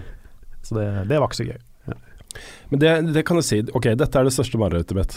Mm. Det er at noen får tilgang til PCN-kontoen min og sletter uh, karakterene mine i Destiny. Å, herregud. Mm. Det har skjedd med folk, nemlig. Ja. Altså, det er jo folk som har sagt at de skal hjelpe folk med et eller annet, ikke sant? som har fått uh, Gameshare-tilgang. Uh, og bare sletta våpen og utstyr og hele, kont og hele karakterer, ikke sant. Mm. Oh, Det de er gir ikke det til altså. hvem som helst. Eh, for å si. Nei, og jeg tenker litt på det når jeg går liksom med PS4-en under armen på vei til og fra kontoret noen ganger. Mm. Hva om noen stjerner den, liksom? Hva, Mm. hva skjer da? Og så starter den opp, og så bare hei! Da kan du logge inn Ja på telefonen din og bytte passord med en gang. da Jeg kan det. Så um, det er vel kanskje det jeg ville gjort. Men, uh, Men det er ikke passord for å starte PS4, det burde jeg kanskje sette opp. Jo, men uh, Nei, men hvis det er snakk om å logge inn på Destiny for å liksom, De vil jo få tilgang til innholdet på harddisken din antageligvis, men de vil ikke kunne koble, koble seg online hvis du har bytta passord, for da må de taste inn nye passord, ikke sant? Da må du det, får du beskjed om det? Ja, ja. Ok, greit.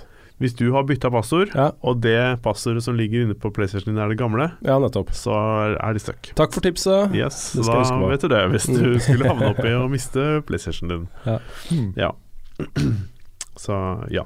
Jeg hadde et spørsmål her fra Christian Tobias Aas Frank. Og det er rett og slett bare favorittspill til mobil.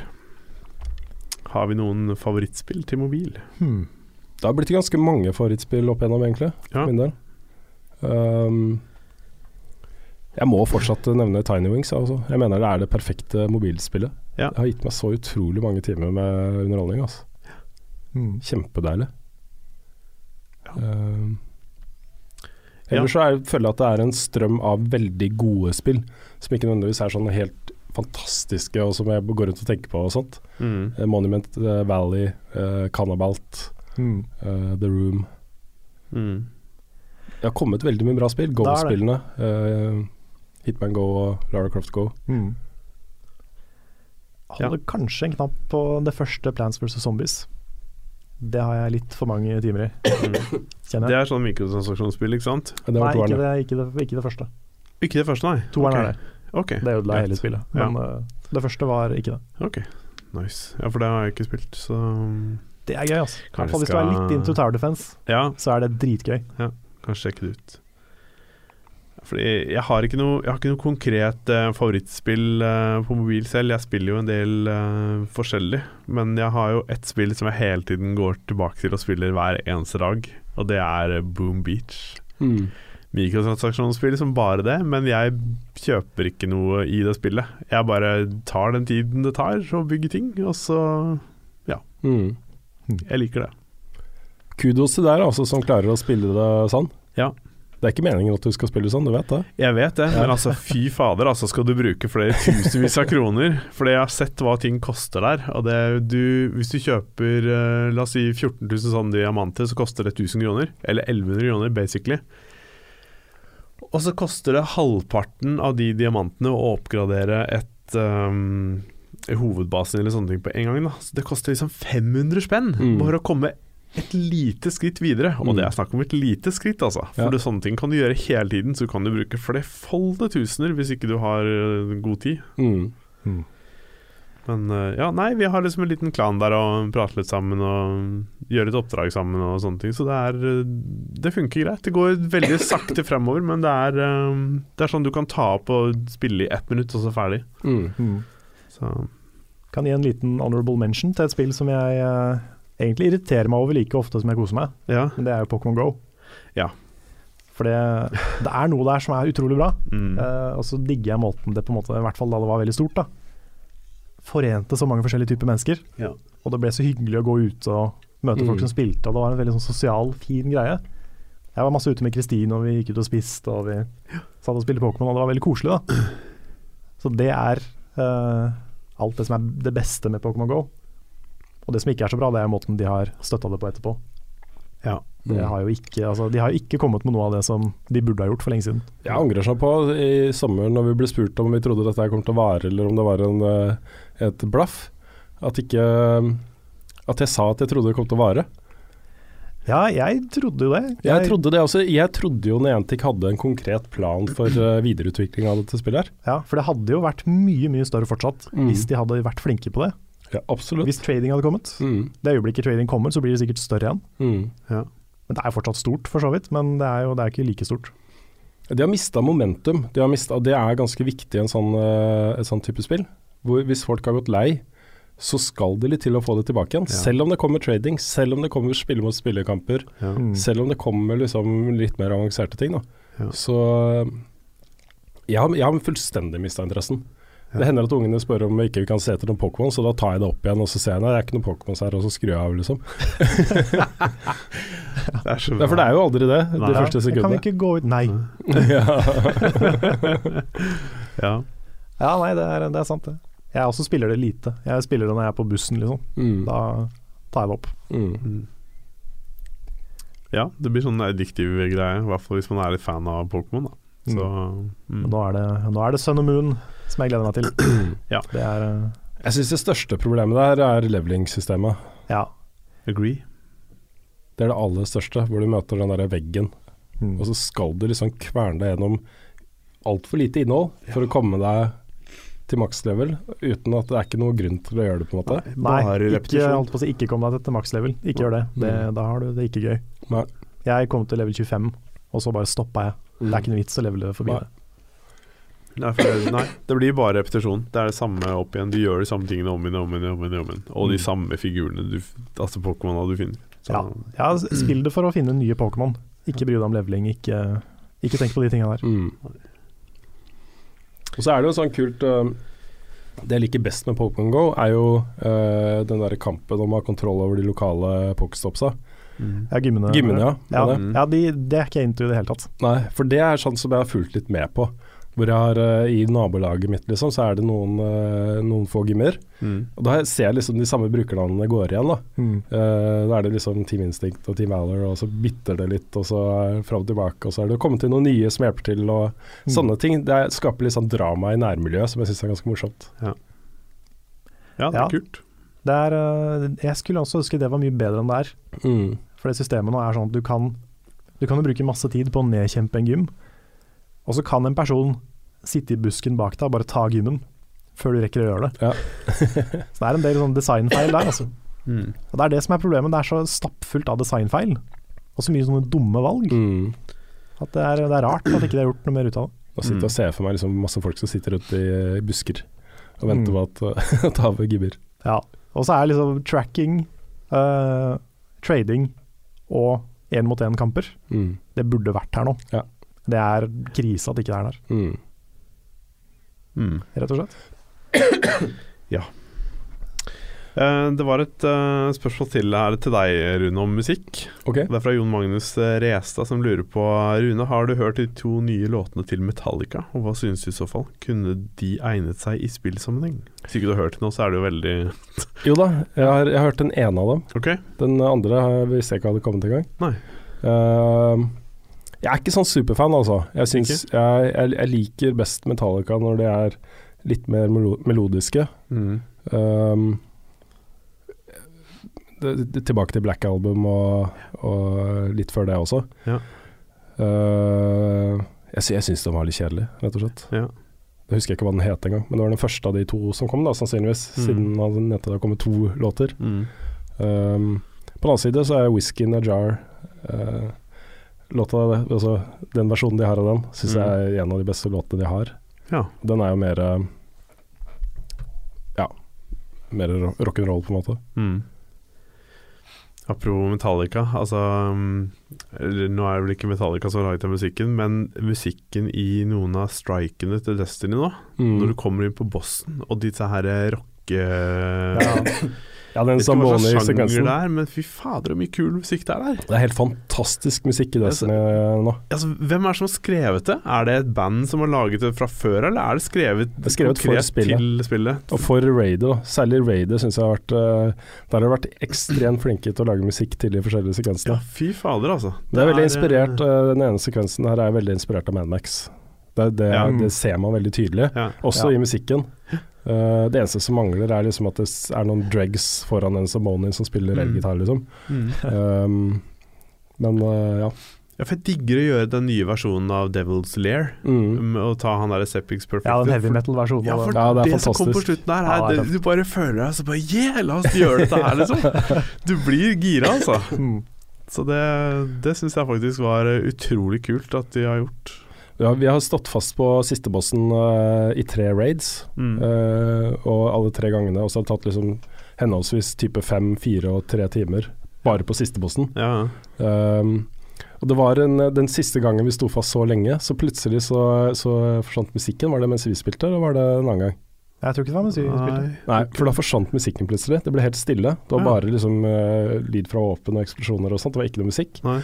Jesus Christ, det var deilig, altså, for da oppdaga jeg at uh, da hadde vi liksom gått med den musikken også, som et tillegg sånn der veldig stressa oss opp Ja, ja. type ting. Ja. Og da fikk vi det til ganske fort etterpå, altså. ja. Kanskje ikke bare bra, men uh, ja. Nei. Ja. Har du mer spørsmål fra Patrion, Rune? Ja, kan du ta et kjapt et fra Erlend eh, Bare Bonde. Uh, hei, har dere vurdert å lage en vips konto slash nummer til selskapet? Tror mange hadde vippsa dere litt ekstra penger hvis det var mulig. Stå på videre. Eh, vi har snakka om det så vidt med vår bankguy, Ja, uh, Svein. Svein, ja. Mm, det, det, det er ikke Det er ikke gitt at Patron blir liksom den inntektskilden vår til de tingene i fremtiden. Men per i dag så er Patron den aller beste eh, løsningen som finnes der. Mm. Uh, men jeg tror jo at uh, vi ikke er den eneste nisjesatsingen i Norge som kommer til å satse på brukerbetaling og abonnementsløsninger i årene fremover. Nei, det er det nok ikke. Så det vil komme løsninger der som kanskje da på et eller annet tidspunkt blir mer fornuftig av oss å bruke enn Patron. Ja. Det tror jeg nok. Ja, at Patrion får støtte for eh, at man eh, ser ting i norske, norske kroner, f.eks. Kan jo også hende. Mm. At det bare blir uh, utvida. Ja, ikke sant. Mm. Eh, eller hvis vi har, uh, vi har merch-salg på messer eller et eller annet, så kanskje, kanskje fornuftig. Ja. Med en Vipps-konto. Ja, det er sant. Jeg betalte noen merch med Vips på forrige kollen vi var på. Det var egentlig veldig greit. Mm. Eh, tenkte vi skulle ta ukens uh, Scene 4. Ja, Er du klar, eh, Carl? eh, jeg er eh, Jeg er så klar. Snart innafor.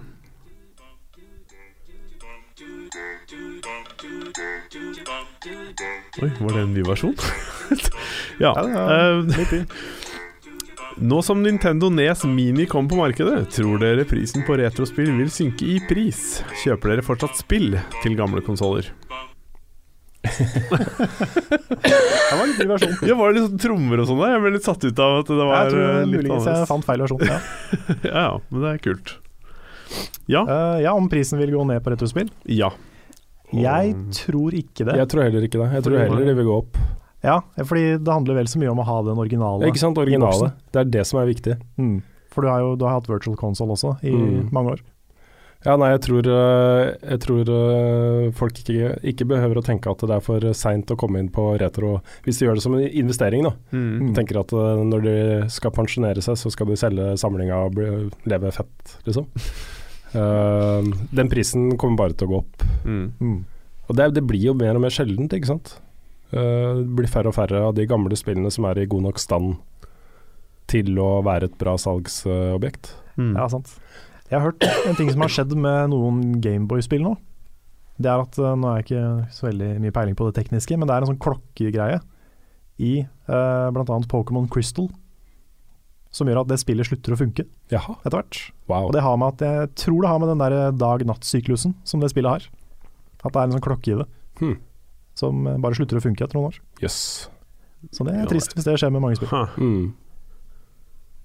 Ja. Jeg tror nok at uh, alle disk, også CD-baserte spill uh, For det er jo Det er jo sånn at uh, CD-er og DVD-rom og sånne ting eh, kan jo bli ødelagte. Mm. Mm. Bare ved at det går lang tid. De har en begrensa levetid. Da. Så da er det mer sånn cartridge-baserte ting da, som. Kanskje holder seg best. Ja, det er sant. Mm. ja, jeg vet ikke, altså. Men uh, kjøper dere fortsatt spill til gamle konsoller, da? Ja, jeg er jo på retrospillmessa. Jeg kjøpte jo uh, Sega Megadriven til Sin4, blant annet. Mm. Jeg har ikke noe stor retrosamling, så jeg, jeg ser for meg at, uh, at hvis jeg noen gang Jeg har jo hatt sånn samlegreie både på musikk og film og spill og alt mulig rart opp gjennom åra, egentlig. Bøker og så videre. Uh, Mm. Som jeg har kommet litt bort fra. Jeg er ikke så Mm. opptatt av det lenger. Etter at ting har blitt digitalt, så foretrekker jeg det. Mm. Men det, det er jo ikke utenkelig at jeg på et eller annet tidspunkt tenker at shit, nå vil jeg ha alle kongespillene til SNES eh, originalt, og så begynner å samle igjen. Det kan tenkes. Mm. Mm. Nå er det litt mer sånn at ok, jeg ramler over et For nå har jeg en SNES hjemme. Mm. Eh, ramler over et spill jeg har lyst på i samlinga, så kan jeg godt finne på å kjøpe det. Mm. Ja. Jeg har veldig lyst til å kjøpe meg en Amiga 1200. Det har jeg tenkt på lenge. De koster veldig mye, for så vidt. Men eh, hvis jeg skal eh, samle på noe eller noe jeg har lyst på, så er det det. For det er liksom Det er den konsollen jeg har brukt mest tid på og hatt mest forhold til Mm. gjennom oppveksten. Så Mm. I don't know. Jeg tror vi må tenke på å runde av. Jeg tror ikke stemmen min tåler så mye mer. eh. Nei. Nei, Nå. har vi et siste spørsmål å Skal vi ta det, det dypt personlige vi fant i stad? Ja, det kan vi gjøre. Uh, da må jeg bare finne det opp igjen. Dypt personlige? Mhm. Ok. Det er et uh...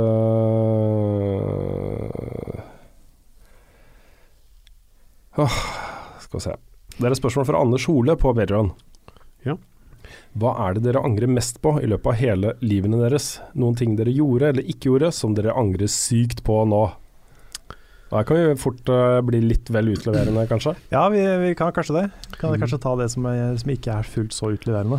Um, jeg kan jo begynne med å si at uh, jeg angrer veldig på at jeg gikk allmenn på videregående. Mm. Jeg skulle ønske jeg gikk media, eller noe sånt. Jeg gikk vel allmenn først og fremst fordi jeg ville begynne på en skole som var nærme. Og det er en dårlig grunn til å velge det. Mm. Um, og endte opp med å bare egentlig få en opplevelse som var ungdomsskolen på nytt. Og det var ikke så fett. Nei. Og jeg følte ikke jeg fikk noe særlig ut av det. Så hadde jeg kunnet velge igjen, så hadde jeg valgt media eller noe sånt Mm. istedenfor allmenn. På en annen skole. Så hadde jeg også møtt noen av de jeg kjenner nå, tre år tidligere. Ja. Men samtidig hadde tenk hvis du hadde havna på en helt annen sti og ikke gått på folkehøyskolen du gikk på. Liksom, Så hadde ikke det vært oss. sånn, Nei, det er sant? det er det er sant. det, er, Man skal være forsiktig med hva man angrer det hadde vært morsomt å sette og, Om man kunne ha sett liksom den alternative veien, og hvor Ja. du hadde vært da, liksom. Mm. Litt sånn uh, tilbake til fremtiden, Ja. alternative ja. Ja.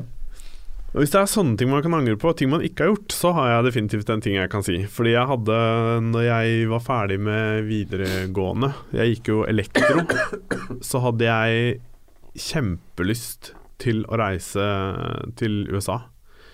Og rett og slett gå um, eh, teaterskole et år. Uh, ikke fordi jeg nødvendigvis drømte så mye om å bli skuespiller, men for å bare oppleve å gjøre noe helt nytt og crazy, og kanskje liksom lære noe nytt og spennende. Mm. Så, men det ble det aldri noe av, for det ble altfor mye overtalelser og ting fra andre om at bare Nei, det passer jo ikke deg. Det er sånn er det, nei. Kanskje ikke, men uh, allikevel så tror jeg det kunne vært gøy da å Mm. gjort det. Og det angrer jeg på at jeg ikke har gjort. Det Ja. Skummelt å høre på nei-mennesker. ja, det er det. Ja, absolutt. De kan fort få uh, mer uh, Ja, det, det- får litt sånn makt over livet ditt, på en måte. Ja, for det er så fort gjort å på en måte Hvis ikke du er liksom kjempesterk i troa og har liksom den viljen sjøl, så kan fort uh, andre på en måte rive det litt ned, da. Mm. Det ble veldig ja. Nei, det var jo mange rundt meg som var eh, Jeg hoppa av studiene for å begynne å jobbe. mm. Og mange rundt meg som var eh, kritiske til det. Mm.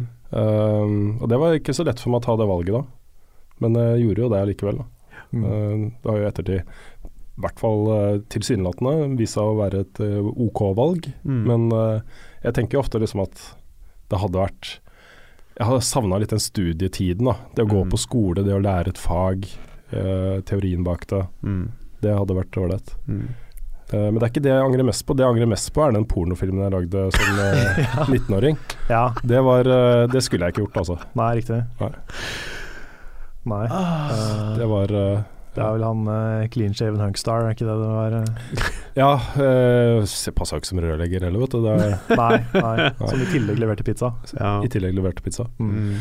Mm. ja, nei, altså Ja. Nei, Det jeg angrer mest på, er at jeg begynte å røyke. Ja, ok. Det er eh, Jeg røyka jo 19 år, vet du. Det er helt meningsløst. Utrolig eh, Utrolig dust å gjøre. Ja. Det er helt eh, forferdelig. Jeg liksom Det å slutte å røyke er noe av det vanskeligste jeg har gjort noen gang. Jeg prøvde jo mange ganger, ikke sant. Eh, så mye tid det har tatt i livet mitt, så mye sånne pressa situasjoner hvor man sitter på et fly i åtte timer og er holdt på å dø av røyksug, og så sånne ting, liksom. Da Pluss da eh, helsetingene, ikke sant. Ja. Tenk på det behovet der, da. Som du sa nå, liksom. Sitter der og bare eneste du tenker på er at du vil ha den røyken. Jeg ble jo helt desp av det, vet du. Jesus. Så ja. Ene positive tinget som kom ut av å røyke eh, i flysammenheng, var jo på den tiden hvor de fortsatt hadde røykeseter. De tre bakerste radene kunne man røyke på. Det er jo helt meningsløst å tenke på i dag. Mm. Hæ? Ja, Hvor forferdelig det var. Ja, det er drøyt. Og da var det ikke sant, eh, de som, det satt jo masse folk lenger fram i flyet som uh, hadde lyst på røyk, så de kom jo tilbake. Det ble ganske sosialt bak der. Ja. Og en av de personene jeg møtte, det er en muligens nevnt uh, i en podkast eller noe sånt tidligere, men det var jo da svigerbroren til Stephen King. Han var gift med søstera til Stephen King. Oi. Så eh, jeg Wow. satt jo og leste Stephen King-bok uh, og sånt, og sa han skulle sende meg en signert bok uh, når han kom tilbake. Ja. Det har han gjort. da. Jeg fikk jo signert uh, Dolores Claiborne av Stephen King i Så posten. fett. Det kan hende han bare sa han var det, og så har han signert det selv. Men Ja, ja. men det, det, det var ganske kult å sitte og prate om det. Yes. Ja, det er jo Ja. Men det er folk Den ene positive tingen som kom ut av uh, Ja. ja. Så men folkens, ikke begynne å røyke også. Det er noe av det dummeste man kan gjøre. Virkelig. Og det trodde jeg ikke på da jeg var 17. Da jeg Nei. Men uh, Men jeg tenker at folk skal for all del få lov til å prøve ting og tang, men på et eller annet tidspunkt så innser man jo liksom på en måte at eh, det er ikke greit. Jeg Ja. også har røyka i et par år. Det verste er at jeg gjorde jo det i en alder av 22. Jeg begynte ikke når jeg var liksom 16. mm, Og det var sånn Hvem i all verden starter når man er 22? mm. Da vet man bedre. Man er jo komplett idiot når man gjør noe sånt. Ja. Så, så det er jeg glad for at jeg ble kvitt rimelig kjapt. Mm. Nå så jeg litt for meg at du sto på skolegården sammen Ja. med 13-åringer, og de bare 'Kom igjen da, Lars. Ta deg. At du ble liksom røykepressa Ja, som 22-åring. Ja. Få henge med dere, eller? Ja, nei, det var ikke det. Det var bare en sånn greie med det med å liksom begynne å gå ut i større grad og flytte til Oslo og havne med en gjeng som var for all del hyggelig, men det var liksom bare Nei, bare teit. Mm. Det har aldri ført noe godt med seg. Så ja. Men apropos skole og sånn. Jeg, er jo, jeg går jo på skole, skole nå, og det er sånn Det du sa om studietid og sånn. Det er bra, altså. Å Mm. møte, møte nye folk, få nye impulser og sånne ting. Det er uh, impulser. Uh, det Skikkelig gøy er det, rett og slett. Jeg ville jo bli grafisk eh, designer. jeg. Da jeg flytta til Oslo, så uh, var det jo mye det jeg jobbet med. Jeg skrev ting og tok bilder og sånt også. Mm. Men jeg gjorde layout på kundemagasinet for et PR-byrå. Lagde årsrapporter og brosjyrer og Ja. uh, hjemmesider og sånne ting. Ja. Så jeg var jo i to og en halv måned så gikk jeg på kurs i London, betalt av uh, arbeidsgiveren min, Ja. uh, på Central St. Martin School of Art and Design, tror jeg det heter. Okay. Som er en av verdens beste grafisk designskoler. Mange av de beste designerne i verden har gått på den skolen. Uh, og i den perioden så kikka jeg også på uh, skoler i USA, Rhode Island Institute of Design f.eks. Som kjempebra skoler, ikke sant. Ja. Det var, var så fristende. Det var, jeg var en hårsbredd fra å gå den veien, da, hoppe av eh, jobbtingene og så begynne, begynne på det. Mm. Og det er sånne ting som Jeg tenker at det hadde vært utrolig kult. Det hadde jo vært på en helt annen bane i livet, liksom. Ja. Uh, men jeg syns det var gøy, da. Jeg syns fortsatt det er gøy å sitte og pusle med sånne ting. Mm. Uh, tror jeg hadde et lite talent for det også, så jeg kunne ha blitt uh, ganske god da, designer. Um, så jeg, det er sånn et, en ting i livet mitt som jeg føler at ok, den har jeg ikke utforska så mye som jeg hadde lyst til. Nei. Men, uh, men jeg er veldig happy med hvor jeg er. Ja. Altså, det å ha den jobben vi har nå, den jobben jeg har hatt i VG i nesten 20 år og sånne ting, er jo et privilegium uten like. Det er jo helt fantastisk. Så Ja. det er ikke sånn at jeg angrer på det. Nei. Nei, for å si det motsatte, det jeg angrer minst på, det er kanskje det året på folkehøyskole. Ja. For det fikk jeg så utrolig mye ut av. Mm. Og hadde det ikke vært for det, så hadde jeg ikke hadde jeg i hvert fall ikke sittet her og drevet med spill, og hadde jeg ikke Mm. turt det, på en måte. Nei. Så man får utrolig mye ut av uh, sånne ting, hvis man uh, havner på riktig sted. Mm. Ja, og så tenker jeg det at uh, det å bare At folk tør å utforske noe de har lyst til. Og tenke at det å ta en liten avstikker er ikke nødvendigvis eh, krise om du bruker et år på det, da.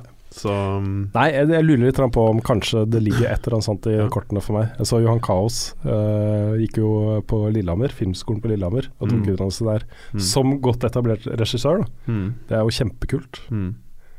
Det er det. Ja, det er, altså, det er jo flere eh, nå i liksom tidlig 40-årsalderen som rett og slett hopper av eh, den jobben de har, starter en helt ny utdanning og finner seg en ny, eh, Mm. ny ting å gjøre. Og det er blitt mer og mer vanlig. Det har det. I dag så har vi mye større muligheter til å gjøre det. Mm. Men det er også veldig sunt å ikke gro fast et sted. Ja. I hvert fall hvis det er et sted som ikke, som ikke gir deg så mye personlig. Mm. Ja. Ja, tenk på det. I gamle dager liksom du utdanna deg til jeg vet ikke, baker, og så jobber du som baker resten av livet, da. Ja. Altså, er, eh, jeg hadde en sommerjobb et år eh, som var på Det var sånn der Jeg trenger kanskje ikke å si akkurat hvor det var, mm, men det var eh, en sånn pakke, pakkefirma mm, som sender og leverer pakker og sånn, Ja. og fortoller ting og sånne ting. ja. Det er ikke så mange av de, så du kan sikkert gjette ett et av de. Men der var det noen sånne folk, en sånn gjeng med litt sånn middelaldrende damer, ja. som hadde jobba der, og bare ført inn noen sånne tall og dritt og møkk i et, et sånn semiautomatisk system. ja. Sittet der og gjort det i sånn 30 år. Mm.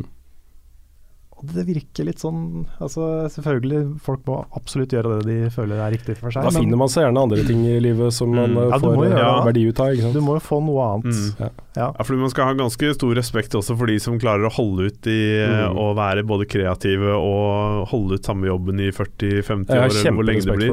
for det. Å gjøre en god jobb. Ja. Katrine jobber jo, kona mi jobber jo i skatteetaten nå. Mm. Og der sitter jo folk som har jobba der eh, i 30 år, liksom. Ja. Som det stadig vekk liksom eh, går av med pensjonsselskapet for folk, da. Mm. Ja. Eh, og det er jo folk som fyller viktige samfunnsoppgaver og, og lager systemer uh, som, som går på skatt nå, liksom. Som er inntektsgrunnlaget til hele samfunnet, ikke sant. Mm. Mm. Så selv om det kan være mye rutinejobb og, og sånt, så er det jo i utvikling og det er nye ting. Og, jeg har veldig respekt for det. Ja, ja, ja absolutt. Det som, var, det som var litt spesielt med akkurat det her, det er at den jobben de gjorde, det er jo en jobb som maskiner gjør andre steder. Ja. Så det føltes så utrolig meningsløst. Mm, jeg holdt jo på å miste livsgnisten på en sommer, på en Ja, du passer jo ikke i en sånn jobb. Nei. Nei, nei, men ja, nei, det er bare jeg synes det, er, det er rart og liksom Ja. Nesten utrolig at de holder ut. Mm. Jeg skjønner det. Ja. Ja, men jeg tenker det har sikkert litt med forutsetninger og ting og tang å gjøre også. Altså Noen har jo har jo behov for å være mer kreative eller gjøre sånne type ting, og da hvis man da havner i en jobb som handler om å putte et tall inn i et skjema, og det er det eneste du gjør, det er veldig går på automatikk, liksom. Mm. Du utvikler deg jo ikke noe. Du får jo ikke lært noe nytt, kanskje. Ikke sant? Helt til det kommer en datamaskin som bare tar over jobben din, og så er det sånn Sorry, i en Mm. alder av 55, nå må du skaffe deg en ny jobb. Mm. Det er sånn Ja, ja. What? Det er ikke lett, det heller. Nei. Får også beklage at uh, telefonen min har eh, pipt en del under uh, sendinga. Jeg har uh, måttet ha den påslått Ja. fordi vi venter på et bud fra eh, Sony med PlayStation VR. Det gjør vi. ja. Så den har ikke kommet ennå. Så det kunne jo kanskje ha skrudd den av, men det, det, Ja. da hadde, ja. De skulle ringe når de var her. Ja. Ja. Så vi håpa på en litt sånn der surprise-ting midt i podkasten, yep. Ja. og så kom ikke det. Nei. Sånn er det. Mm. Mm. Yes, skal vi eh, runde av? Vi skal ha et møte nå, så klokka ett. Det, det kan vi gjøre. Ja. Da er det bare å si hjertelig tusen takk til alle som har eh, hørt på denne podkasten nok en gang. Og eh, selvfølgelig også veldig stor takk til alle dere som er med og backer oss på Patron. Så ses vi igjen neste gang det, det skjer noe. This guy are sick.